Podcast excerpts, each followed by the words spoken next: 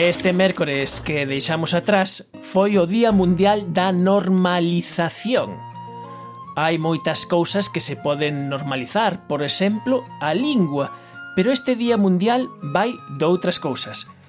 Manuel Herrador, moi boas noites. Boas noites, Manuel, como estás? moi ben. Manuel Herrador é investigador do Grupo de Construcción na Escola Técnica Superior de Enseñería de Camiños, Canles e Portos da Universidade da Coruña e ademais eh, pertence a un grupo de normalización de AENOR. Efectivamente, yo soy el eh, soy miembro del grupo de AENOR CTN 140 de estructuras de hormigón, que ese, pues tengo la ocasión de formar parte de él pues como, como una a propuesta del, del Ministerio de Fomento. E que é a normalización para vos?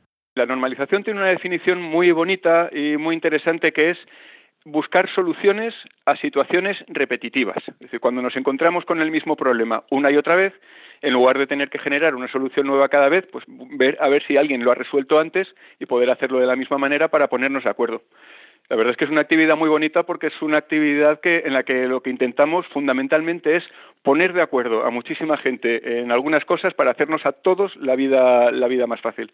a normalización ou estandarización, a primeira vez que nos dimos conta que o teñamos que facer foi cando empezamos a producir eh, porcas e parafusos eh, metálicos non para eh, clavar na madeira e, eh, que tiñan que coincidir uns cos outros. Eu me imagino que, por exemplo, eh, ten que haber unha coincidencia entre unha porca eh, e un parafuso, esa é unha primeira necesidade.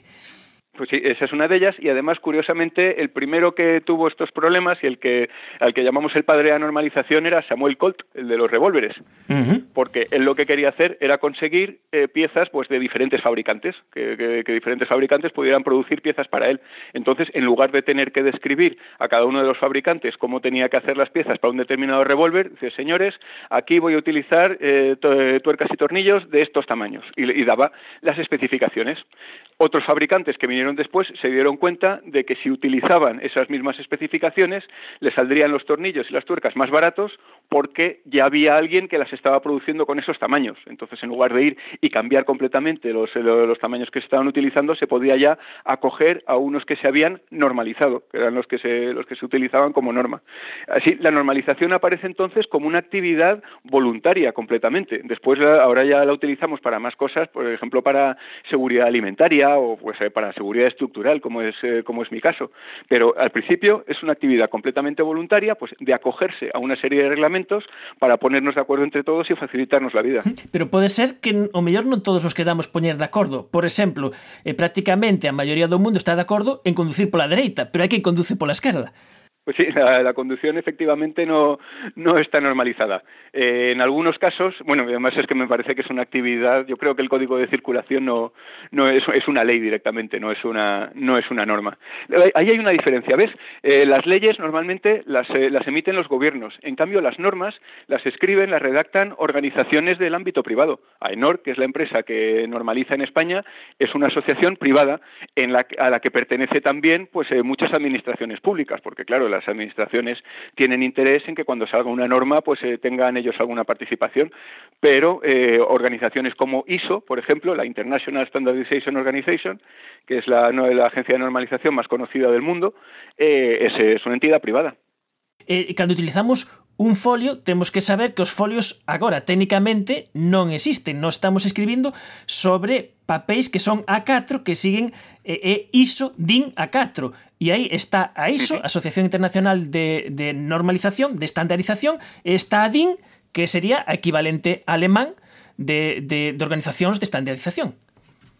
Efectivamente, DIN es la agencia alemana de, de, normalización, igual que nosotros tenemos la UNE. Lo que pasa es que el formato DIN de papeles, pues ellos fueron los primeros en llegar a normalizar el papel en su momento, se hizo muy popular, pues hasta el punto de que casi todos lo hemos asumido y después pues eso ya se formaliza en una norma ISO, pues los de ISO lo, lo que han hecho ha sido copiar la, la, norma, la norma alemana pues para popularizarla en todo el mundo. ¿Cuál es la ventaja? Pues que si tú ya sabes que un folio es un DIN A4, sabes que te va a entrar en una impresora que es DIN A4. ¿Eso quiere decir que no se puedan vender papeles de otros tamaños? Años? Pues no, lo que pasa es que ya sabes que la impresora no te va a entrar. ¿Vas a tener algún problema de salud por utilizar un papel que no sea de A4? Pues no, hombre, claro que no. Pero eh, vas a tener alguna incomodidad seguro. Entonces, mejor eh, para muchas situaciones acogerse a estas cosas que ya están, que ya están fijadas. En el mundo de la tecnología hay casos de éxito que van por la vía la normalización y otros que empregan a su propio, su propio camino. Efectivamente. Ha habido algunos casos muy conocidos eh, que parten además de la industria privada, como el caso del CD.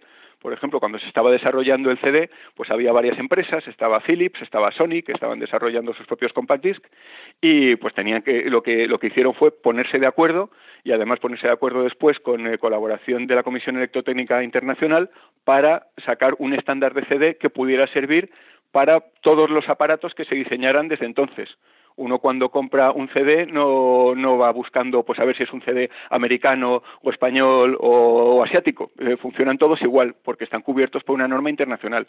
¿Puedes fabricar tus propios CDs? Pues sí, pero a ver a quién se los vendes. En cambio hay otras cuestiones, eh, por ejemplo una que nos da mucho la lata últimamente, como son los USBs, los conectores que utilizamos para los ordenadores o para, para cargar algunos móviles. El USB es un estándar que solamente utilizan algunas empresas, la mayoría de ellas ahora mismo. Pero ¿cuál no lo utiliza, por ejemplo? Pues Apple. Y como no, no, es una norma internacional ni hay leyes que obliguen a utilizar los USBs, pues Apple hace lo que le da la gana. Esto es una, nos produce otra situación interesante porque, claro, Apple es una marca muy popular. Entonces uno sabe que si quiere fabricar algo que vaya a servir después con los teléfonos de, con los iPhone, con los teléfonos de Apple, lo tiene que hacer siguiendo las reglas de Apple y no va a funcionar para los otros teléfonos.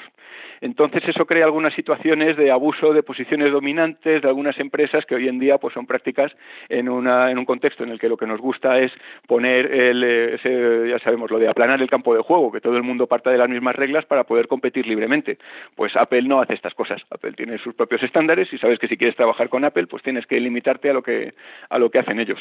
De feito, nestes tempos pandémicos, e o que si foi de dominio público foi o, o, o interese, o que acontecía co marcado C eh, dos produtos, en concreto das máscaras, e aprendimos a importancia da norma. Pues sí, eh, las normas en general son documentos que son de cumplimiento voluntario. O sea, si tú no haces un CD que funcione en muchos aparatos, no lo vas a vender. Lo que pasa es que en algunas ocasiones, como pueden ser pues en eh, el caso de las mascarillas, todo lo que tiene implicaciones en medicina o en alimentación o, por ejemplo, productos con láser, ya tiene implicaciones en seguridad. Entonces, en algunas ocasiones, eh, las administraciones públicas, en este caso la Unión Europea, hace que algunas normas sean de obligado cumplimiento. Entonces, para poder vender una mascarilla con unas garantías, hay una directiva que dice que tienen que seguir una norma que, si no recuerdo mal, ahora mismo es la 14653. Y además, estas normas que se vuelven obligatorias tienen que ir acompañadas del famoso marcado CE. Tiene que ir acompañado de esas siglas CE, el nombre de la norma a la que alude, y, de esa manera se convierte en un producto que sabemos que tiene garantías de seguridad. Y hay que tener en cuenta, cuando vemos o CE sin o número da norma, eh, eso eh, pode ser unha falsificación. Podría ser, hay fabricantes muy vivos que lo que hacen es pues poner las letras C como queriendo decir otra cosa, cuando en realidad no es una alusión a la norma. Claro, tampoco vas a prohibir un producto porque tenga escritas unas letras. Entonces eh, ahí hay que andar vivo porque si no tiene C y después la designación de la norma adecuada, pues igual no quiere decir nada. E por qué os extintos xa discos compactos, os CDs, teñen unha duración de 74 minutos porque a Comisión de Normalización adoptou exactamente esa longitude de tempo di a historia, a lenda, probablemente, que foi cousa dun director de orquesta, pero non dun calquera, senón o máis afamado e prestixioso e de mal carácter tamén Herbert von Karajan, que foi quen de convencer a Sony e as outras marcas de que o CD tiña que ter 74 minutos de duración para que puidese caber dentro íntegramente a súa versión da novena sinfonía de Beethoven.